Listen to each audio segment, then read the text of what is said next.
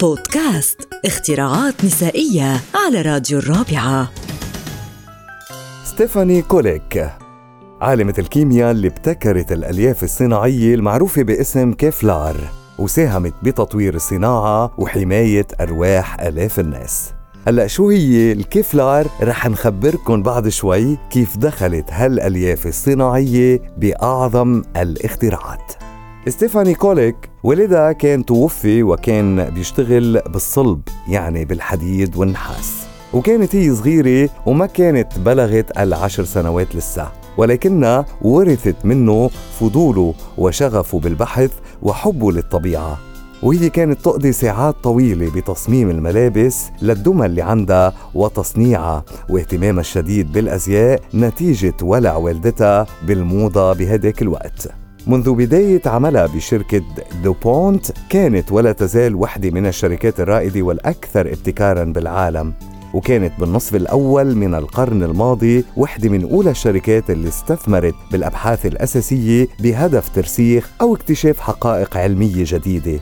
ومن أهم الابتكارات اللي خرجت من هالشركة صناعة مطاط النيوبرين الصناعي عام 1933 وأيضا النايلون اللي بنعرفه اليوم بالأكياس وعدة أشياء هالاختراع ظهر عام 1938 بدأت ستيفاني شغلها داخل معمل أبحاث دوبونت بديلاوير لمدة 36 سنة واشتغلت مع الفريق نفسه بعد ما كانت اشتغلت لمدة أربع سنوات ببافلو بولاية نيويورك.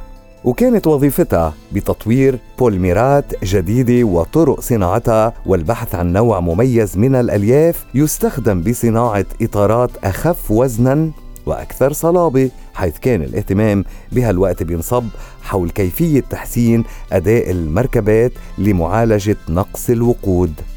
يعني كان بدهم دواليب خفيفة تساعد السيارة بدون ما تصرف وقود كتير لأنه الوقود بوقتها كان نادر. وكان تخصص ستيفاني بالتحديد بالعمليات ذات درجة الحرارة المنخفضة لأعداد بوليمرات التكثيف. عام 1964 اكتشفت ستيفاني بعد العديد من الأبحاث والتعب والتجارب إنه جزيئات البولي اميدات العطرية ممتدة السلسلة بتكون تحت ظروف معينة محلول سائل بللوري اللون ممكن غزله لعمل ألياف قوية.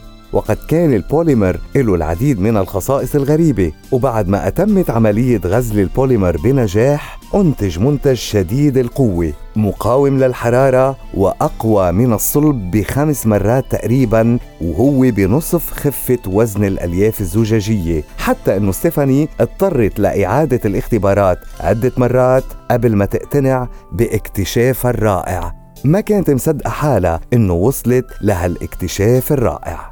بالسنة اللي اكتشفت فيه ستيفاني هذا الابتكار اقتنعت شركة دوبونت على الفور بأهمية هالاختراع. وأسندت على إثر ذلك لمختبر الأبحاث وظيفة العثور على استخدامات تجارية لها الابتكار. يعني مثل ما بنقول بدهم يقرشوا هالإختراع بابتكارات علمية تجارية. وبالفعل عام 1965 اشتغلت ستيفاني على هالشي وقدمت كمية قليلة من الألياف الجديدة لأحد زملائها ليعمل عليها بعض التجارب ويعرف مدى مقاومتها للرصاص. ومن هون إجت فكرة الدروع المقاومة للرصاص الحلية يعني الدروع اللي بيلبسوها رجال الأمن والجيش لحماية أنفسهم من الرصاص.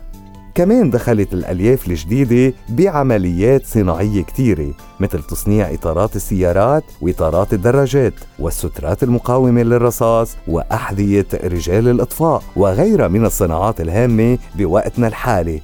وبتدخل أسلاك الكفلار كمان بصناعة القوارب والطائرات والحبال والكابلات ومضارب التنس والزلاجات والعديد من المنتجات الأخرى عالية الأداء.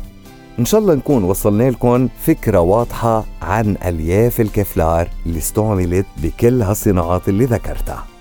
بتقول ستيفاني لكي أخترع أستخدم معرفتي وحدسي وإبداعي وخبرتي وفطرتي السليمة ومثابرتي ومرونتي واجتهادي وأحاول تصور المنتج المطلوب وخصائصه وسبل ابتكاره وتنتج بعض الاختراعات عن أحداث غير متوقعة والقدرة على إدراك مثل هالأحداث واستخدامها لمصلحتنا.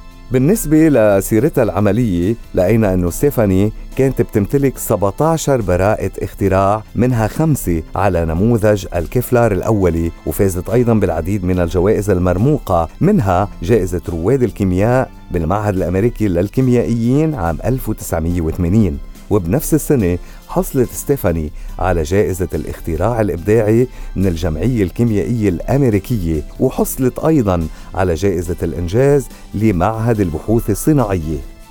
وحصلت على قلادة بيركين وبفضل سنوات العمل أصبحت ستيفاني عام 1995 رابع امرأة بتم إضافتها إلى قاعة مشاهير المخترعين الوطنية عن الإنجاز الفني اللي يعتبر تجربة مستمرة ونموذج يحتذى به.